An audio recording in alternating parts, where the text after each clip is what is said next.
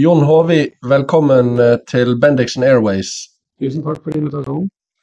Bare hyggelig. Eh, jeg har en kompis som eh, er glad i gambling, Ja. og han har en teori om at dersom han Og det er først og fremst rulett, da. Og dersom han sitter og ser på noen spiller rulett på nettet, og at den kulen som regel havner på, på rød, veldig ofte mange ganger, i, mange ganger i strekk, så tenker han sånn at da må den snart havne på eh, svart, er det det? ja. Hva tenker du om den teorien? Den eh, tenker jeg dessverre har veldig lite for seg. Fordi eh, du kan ikke få overbevist den kula om at den må lande oftere på, på svart etter at den har landet mange ganger på rødt. Sannsynligheten for rødt og svart den er den samme i hvert enkelt kast uansett. Han kasta vekk pengene sine.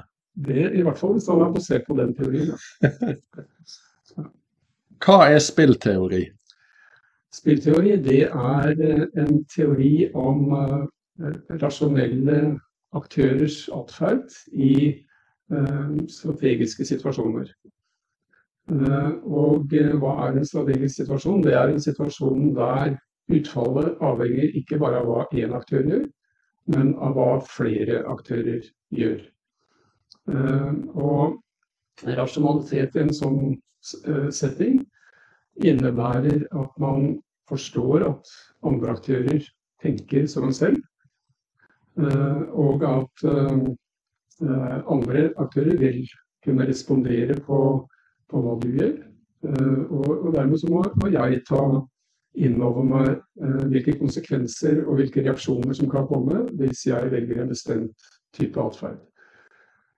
Dette ble litt abstrakt, men, men spillteori kan brukes til eh, nær sagt å analysere alle former for eh, menneskelig interaksjon eller samhandling. Alt fra trafikksituasjoner, eller for den del situasjoner ute på en fotballbane, og til eh, internasjonal politikk. Eh, krig og økonomiske sanksjoner, eh, internasjonale klimaavtaler f.eks. Hvordan ser spillteori ut hvis jeg skal vinne oftest mulig i stein, saks, papir? Da vil eh, i, stein, saks, papir så, så vil eh, altså Generelt så vil eh, spillteoretikere de vil eh, lete etter likevekter i eh, spillet. Og eh, i eh, stein, saks, papir så finnes det ingen likevekt i såkalte rene strategier. Med andre ord, eh, det er ikke sånn at stein, saks eller papir er den beste strategien.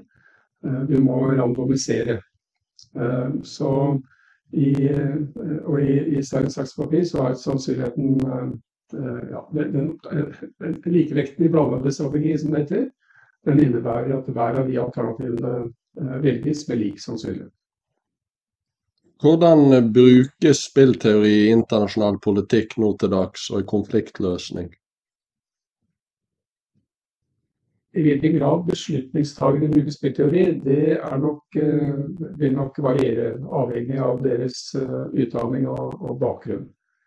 Men forskere i statsvitenskap og i økonomi f.eks.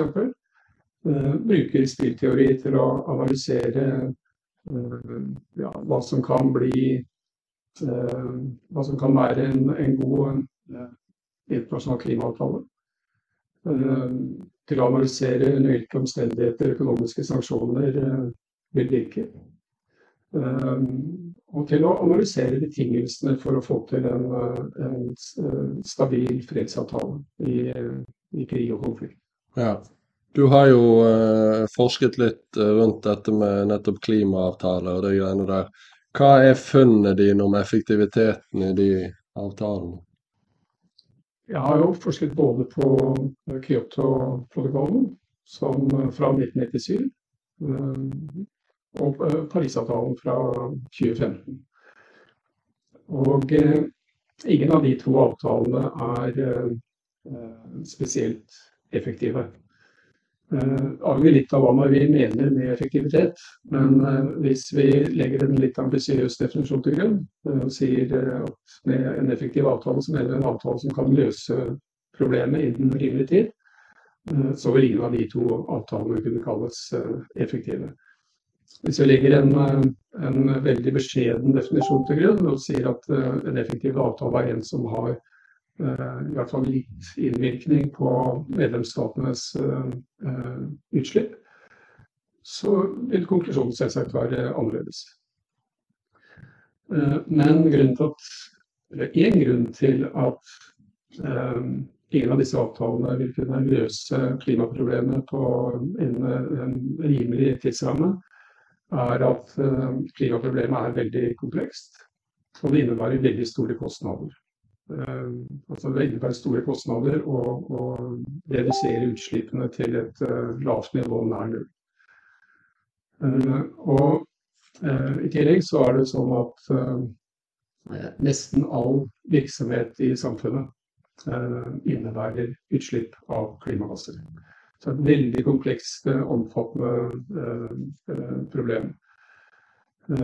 Og for å kunne overbevise land om at de skal ta på seg de store kostnadene som det innebærer å redusere utslippene kraftig, så kreves det en form for motinsentiver, kan vi si. At avtalene bruker en form for belønning eller straff for god oppførsel, for å si det enkelt. Men den typen insentiver er politisk nesten umulig å få til internasjonalt. Og hvorfor er det så vanskelig? Jo, fordi deltakerstatene de, de vet at, at et håndhevingssystem det vil være rettet inn mot Eller det skal ramme noen, da.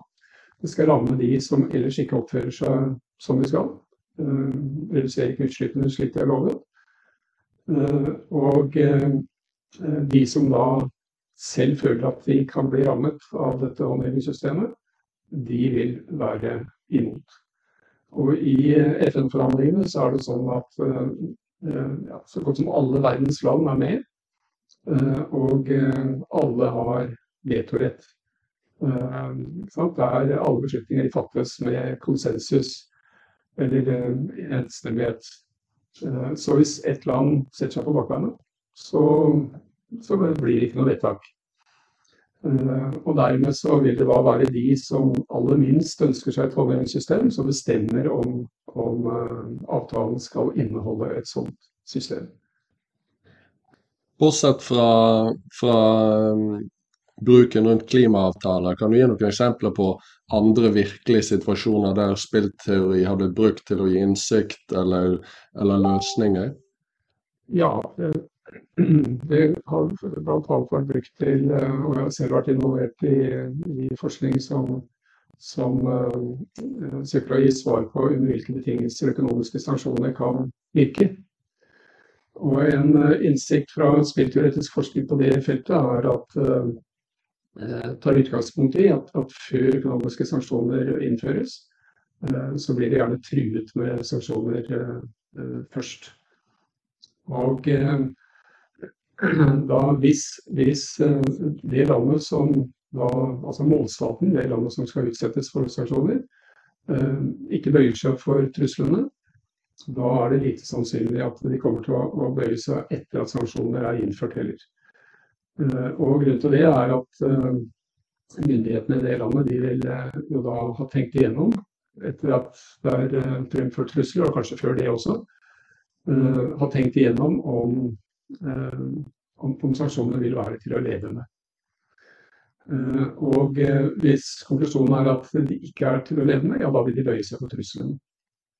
Mens hvis de mener at de er til å leve med, ja vel da, da vil de ikke bøye seg for truslene. Og da er det veldig litt sannsynlig at de også vil, vil bøye seg etter at sanksjonene er innført.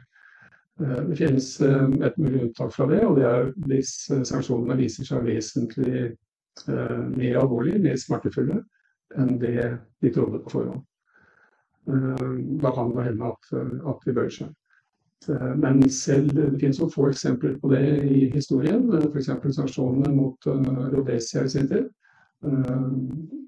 kan være et, et mulig eksempel hvor, hvor til slutt apartheidregimet gikk av. Og, og, og Gaza som, som følge av sanksjonene. Men det tok altså ti år eller mer. Ja. Um, og det finnes noen andre eksempler også som typisk tar veldig veldig lang tid før, før uh, målstaten da uh, gir seg, fordi sanksjonene viste seg tøffere enn en forventet. Men det er jo ikke alltid heller at sanksjoner viser seg tøffere enn forventet. Når vi tenker på, på Russland f.eks., så kan det jo se ut til at sanksjonene heller har hatt mindre effekt enn enn forventet. Mange trodde at russisk økonomi ville gå nedom og hjem umiddelbart. Eh, det har ikke skjedd hittil, selv om det har vært store variasjoner i, i, i rubelkursen. Hva er grunnen til det? Nei, Det er nok dels det at russerne eh, forventet på forhånd at eh, det kunne bli sanksjoner, og har tilpasset seg. Og selvfølgelig Eh, noe av grunnen til at det er mulig, er at ikke alle land er med i sanksjonsregimet. Eh, viktige land som India og Kina de står utenfor. Eh, og særlig Kina ser jo gjerne at, at Vesten ikke går seierrik ut av denne konflikten med, med, med Russland. Selv om de kanskje ikke ønsker at russerne skal bli sterkere heller. Men de har slik situasjonen er nå, så, så heier de nok mer på, på russerne enn på Vesten i, i denne situasjonen. Hvis vi holder oss til den konflikten, da. Hvordan bruker de militære Russland, uh, Ukraina og Vesten for den saks skyld, hvordan bruker de spillteori i, i denne konflikten for å prøve å vinne? Det vet jeg ikke. Om, om myndighetene direkte bruker spillteori for å å vinne, men, men at de kanskje øh, altså At de tenker strategisk. Uten de, og det kan man gjøre selv om man ikke er, er trenet i, i spillteori.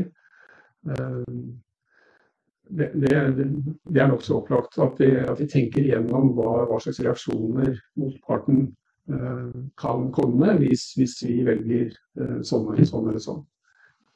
Uh, og det er i bunn og grunn det spillteori handler om.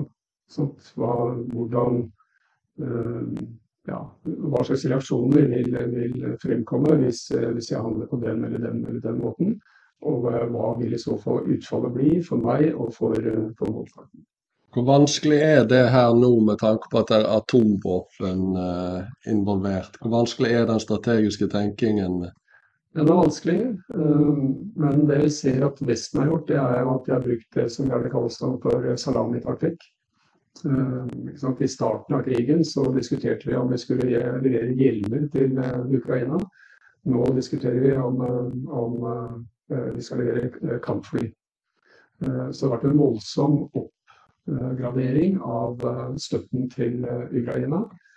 Og den har foregått veldig gradvis. Og, det gjør det også veldig vanskelig for russerne å sette en, en rød linje som sier at over den linjen så tar vi i bruk atomvåpen. I stedet så blir det sånn at ja, har de tatt den, så tar de gjerne den. ikke sant? og det blir vanskelig for russerne å begrunne nå en, en, en, en klar rød linje. Det er jo heller ingenting som tyder på at, at de forbereder bruk av atomvåpen, ut fra det Eh, altså Natos eh, etterretning, eh, spesielt amerikansk etterretning, har kommet fram til så langt. Hva er din spådom for enden på den konflikten her? Ja, det er et godt spørsmål. Hvis jeg kan spørre om en annen ting mens vi er på det. Ja. Han Stabssjefen til Stoltenberg kom med et utspill. Mm. Er det strategisk utspill, selv om han i ettertid sa at han burde ordlagt seg annerledes?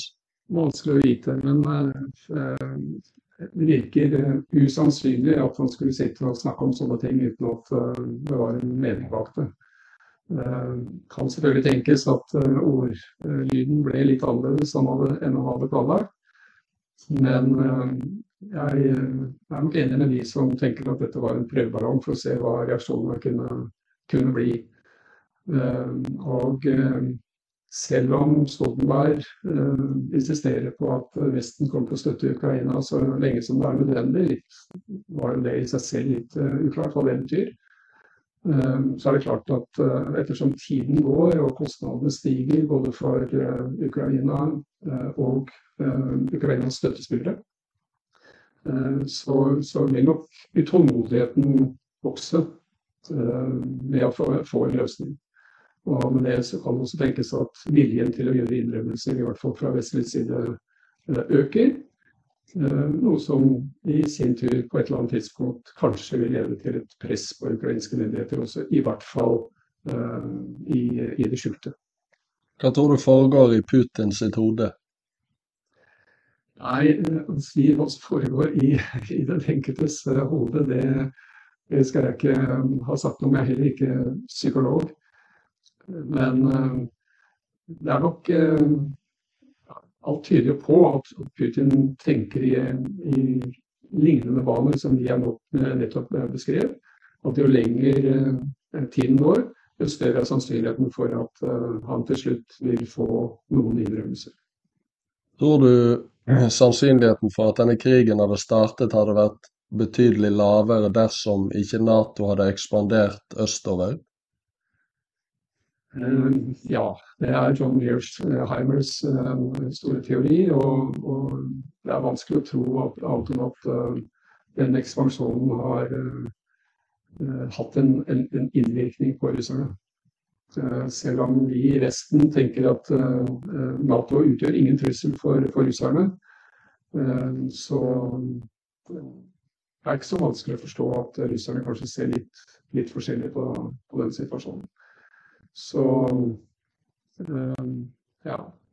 Det er nok eh, Det virker ikke usannsynlig at, eh, at den har bidratt noe til, til russernes motivasjoner. Hva er forskjellen mellom samarbeids- og konkurransebaserte spill, og er det en strategi som er optimal for begge? Altså Konkurransebaserte spill vil jo også kunne inneholde et potensial for samarbeid. Uh, typisk eksempel er jo uh, ja, f.eks. Uh, oljemarkedet med et begrenset antall produsenter som i utgangspunktet konkurrerer med hverandre, men de har et samarbeidspotensial ved å gå sammen om å regulere produksjonen eller regulere prisen. Eller begge deler. Og OPEC er jo da et eksempel på det. ikke sant? Så Eh, jeg tror ikke jeg, jeg, jeg, er ikke sikker på om det gir så god mening å, å skille klart mellom konkurransebaserte spill og, og, og samarbeidsspill. Men eh, mitt andre spørsmål det var om det fantes optimale strategier for, for begge eller alle parter. Eh, og det er jo sant til et punkt. Altså det at, det at Eh, produsentene i oljemarkedet går sammen og, eh, og danner et kartell som OPEC. Eh, det vil jo gi alle de deltakende landene høyere fortjeneste, profitt, enn de ville fått hvis det var ren konkurranse i markedet. Så i den forstand så, så jo, vil jo alle kunne tjene på samarbeid. Samtidig så er det jo også et fordelingsproblem som skal løses. Eh, hvis man eh, setter et tak på samlet produksjon i OPEC, eh, så vil jo hvert land ønske seg så stor andel av den avtalte produksjonen som, som mulig. Så jeg kan si at ved å etablere et, et kartell, det kan gi en Pareto-forbedring, men samtidig på Pareto-grensen, som ofte kalles i, i spillteorien, så vil, eh, så vil det være eh, fordelingskonflikter mellom, mellom folk. Pareto-prinsippet, kan du forklare litt hva det er? Ja, altså kanskje begynne med å si hva en Pareto-optimal løsning er. Og en Pareto-optimal løsning har den egenskapen at ikke det finnes noen annen løsning som er bedre for én part, uten å være dårligere for, for minst én annen part. Så det betyr at når vi er kommet til Pareto-grensen, så vil, hvis noen skal ha mer da, av en kaka som eventuelt er til fordeling, så må andre få mindre. Men i et marked basert på konkurranse, på, på, på konkurranse fri konkurranse, så vil, vil det typisk foreligge et potensial for å gå sammen, regulere produksjonen på en sånn måte at, og fordele gevinsten på en sånn måte at alle tjener på det. Så det betyr at for produsentene, for gruppen av produsenter, så vil en slik frikonkurransesituasjon være en suboptimal situasjon. Men i et større perspektiv, hvis vi også inkluderer konsulentene, så ser det annerledes ut. Det er et par andre begreper òg. Dominante strategier og Nash likevekt. Ja. Hva er det? En dominant strategi har den egenskapen at den er best for en bestemt aktør, uansett hvilke strategier andre aktører måtte velge. Okay. Så et velkjent spill er jo Fangens dilemma, som alle har hørt om. Og der har hver part en dominansstrategi, nemlig å ikke samarbeide med, med motparten. Og, og, det betyr også at hvis begge Hvis ingen av dem samarbeider, så ender de opp i en Nash-likevekt. Og en Nash-likevekt har den egenskapen at hver spillers strategi er et beste svar vis-à-vis den andre spillerens strategi. Med andre ord, hvis vi ender opp i en, en, en, en energikvekt, så har ingen av spillerne noen grunn til å angre sitt valg når de oppdager hva den andre spilleren har valgt. Så i et Det er en mulig illustrasjon når vi snakker om karteller, kan jo være spillet om, holde, om hvorvidt man skal holde seg til den avtalte produksjonskvoten eller ikke. Og i et sånt spill så vil det typisk være en dominant strategi å, å jukse. Produsere mer enn en tildelt kvoten. Men hvis alle jukser, ja, så blir utfallet suboptimalt i Pareto-forstand. Da kommer endelig ikke opp i en Pareto-optimal løsning. Så i sånne spill, som er en form for fangestdilemma-spill, så er Nash-likevekten ikke Pareto-optimal, den er suboptimal. Hva med allmenningens tragedie, eller 'tragedy of the commons'? Ja. Forklar det begrepet. Ja, det stammer jo fra en, en klassisk artikkel av en biolog som heter Gareth Harlin. Sto i tidsskriftet Science i 1968. Og har blitt en, en klassiker.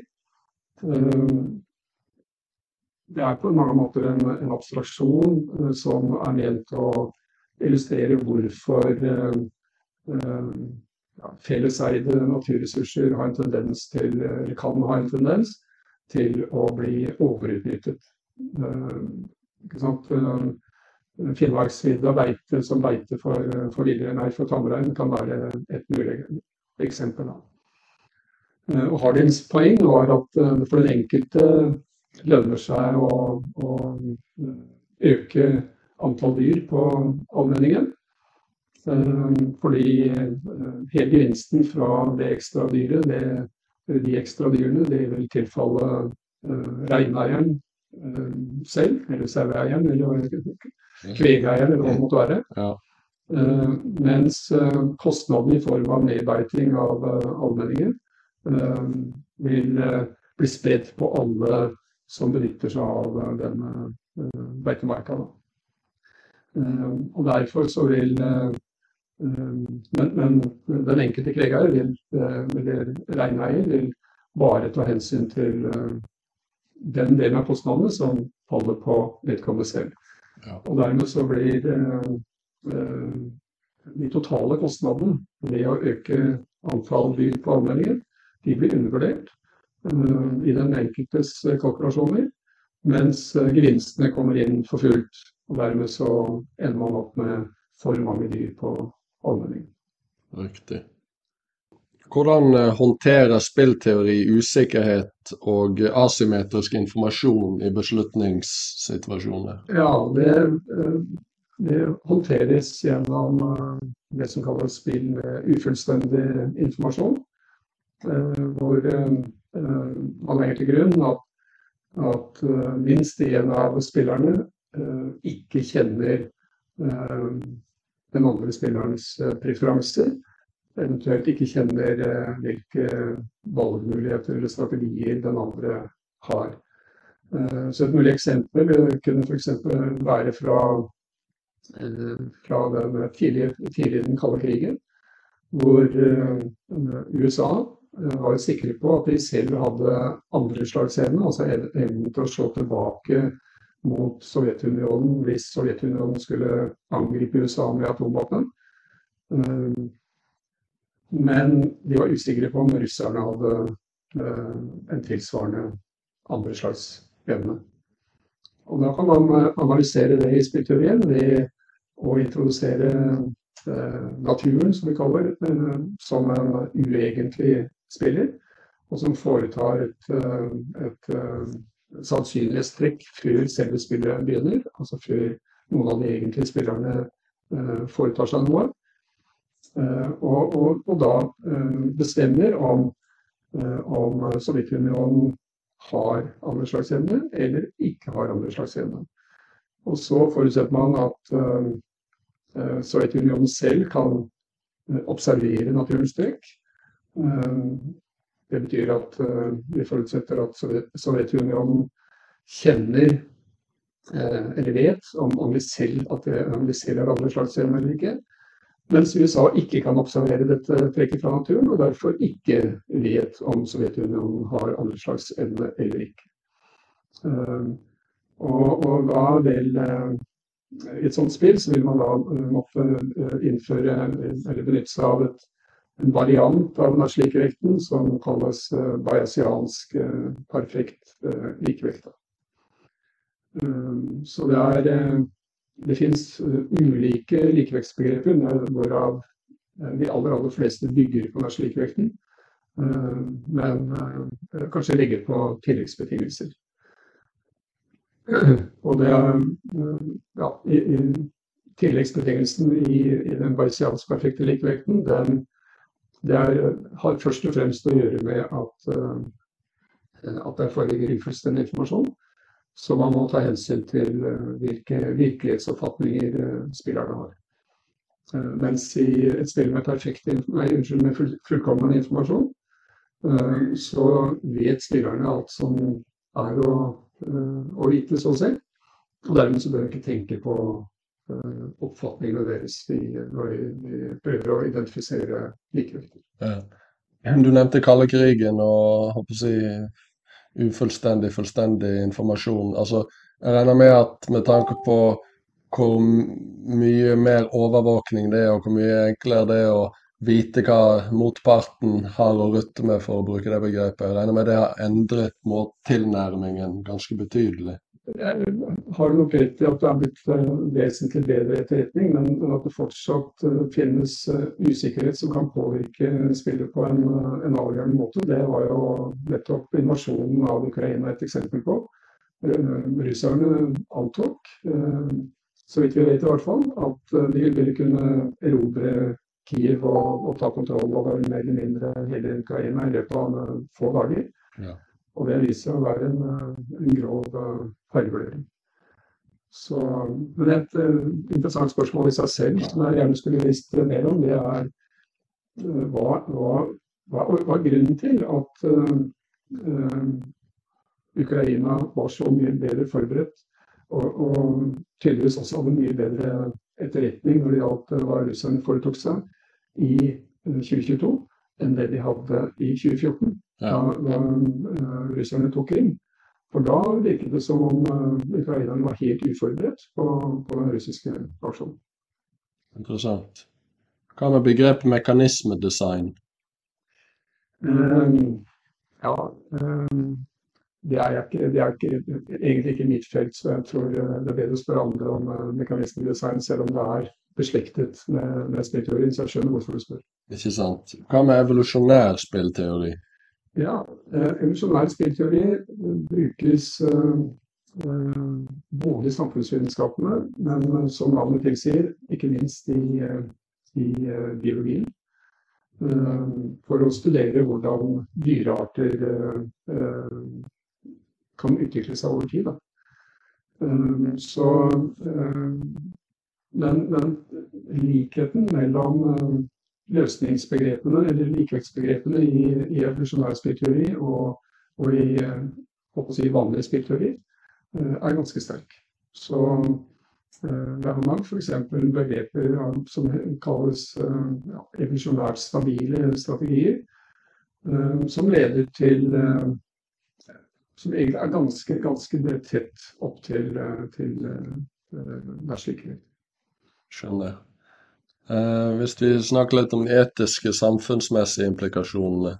Hvordan påvirker spillteori forståelsen vår av samarbeid, til, tillit og konfliktløsning i samfunnet?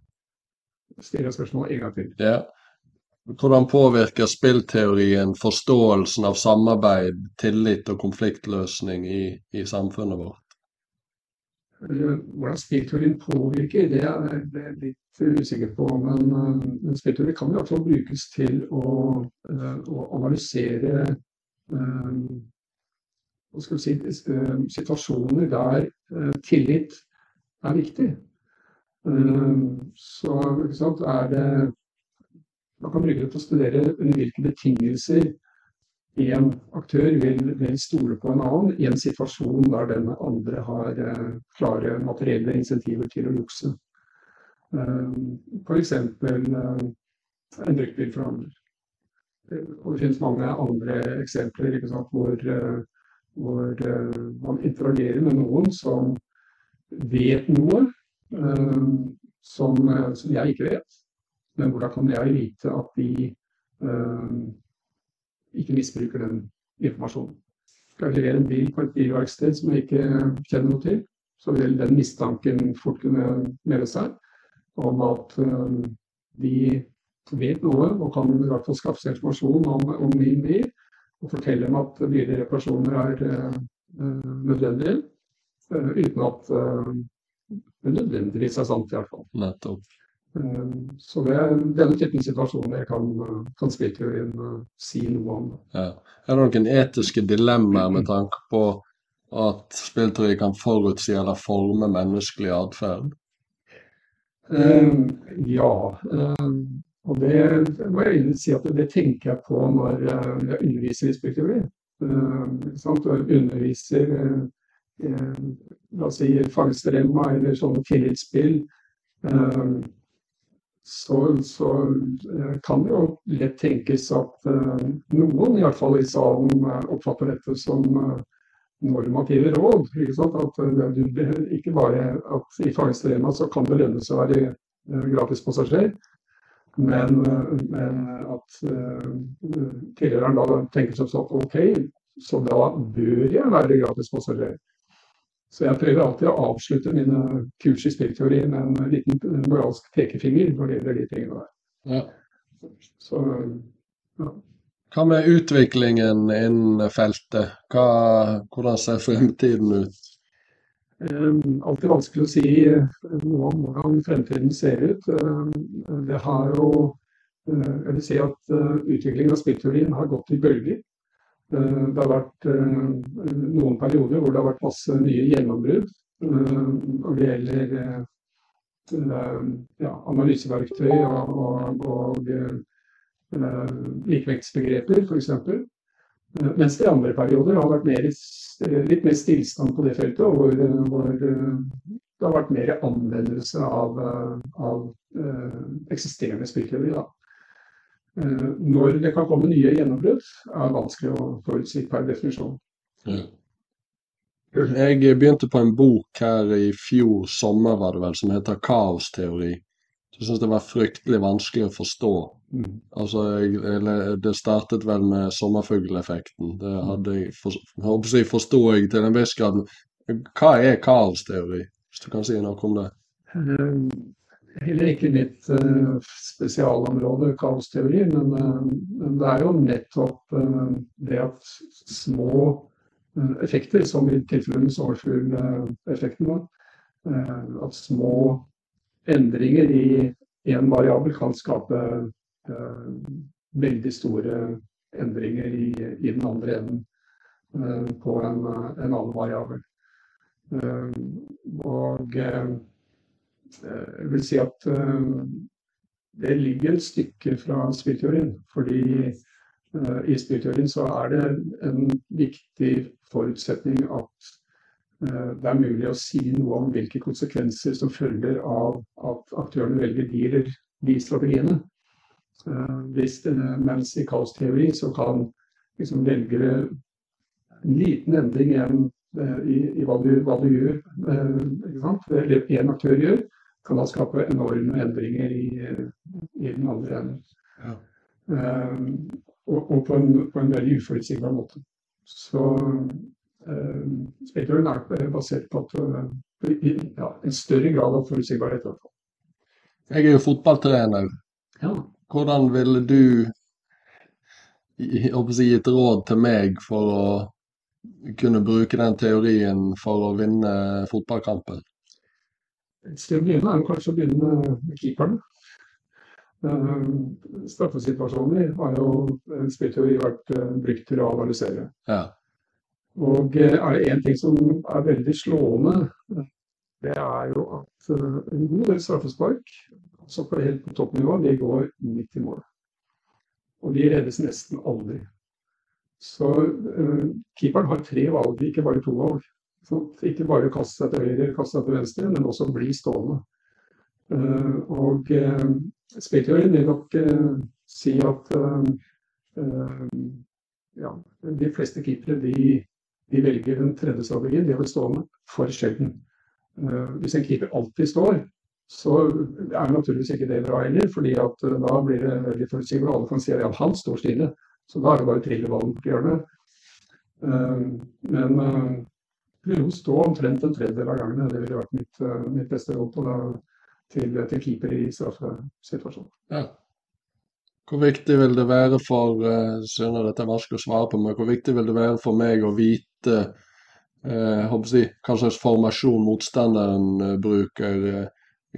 Hva er de kjennetegnene til motstanderen? Hvordan kan jeg bruke det her? Da tror jeg det er bedre å spørre en, en, en fotballtrener med, med, med, ja, som, som vil nok være bedre i stand til å svare på, på den type spørsmål enn, enn det jeg kan. Også. Ja.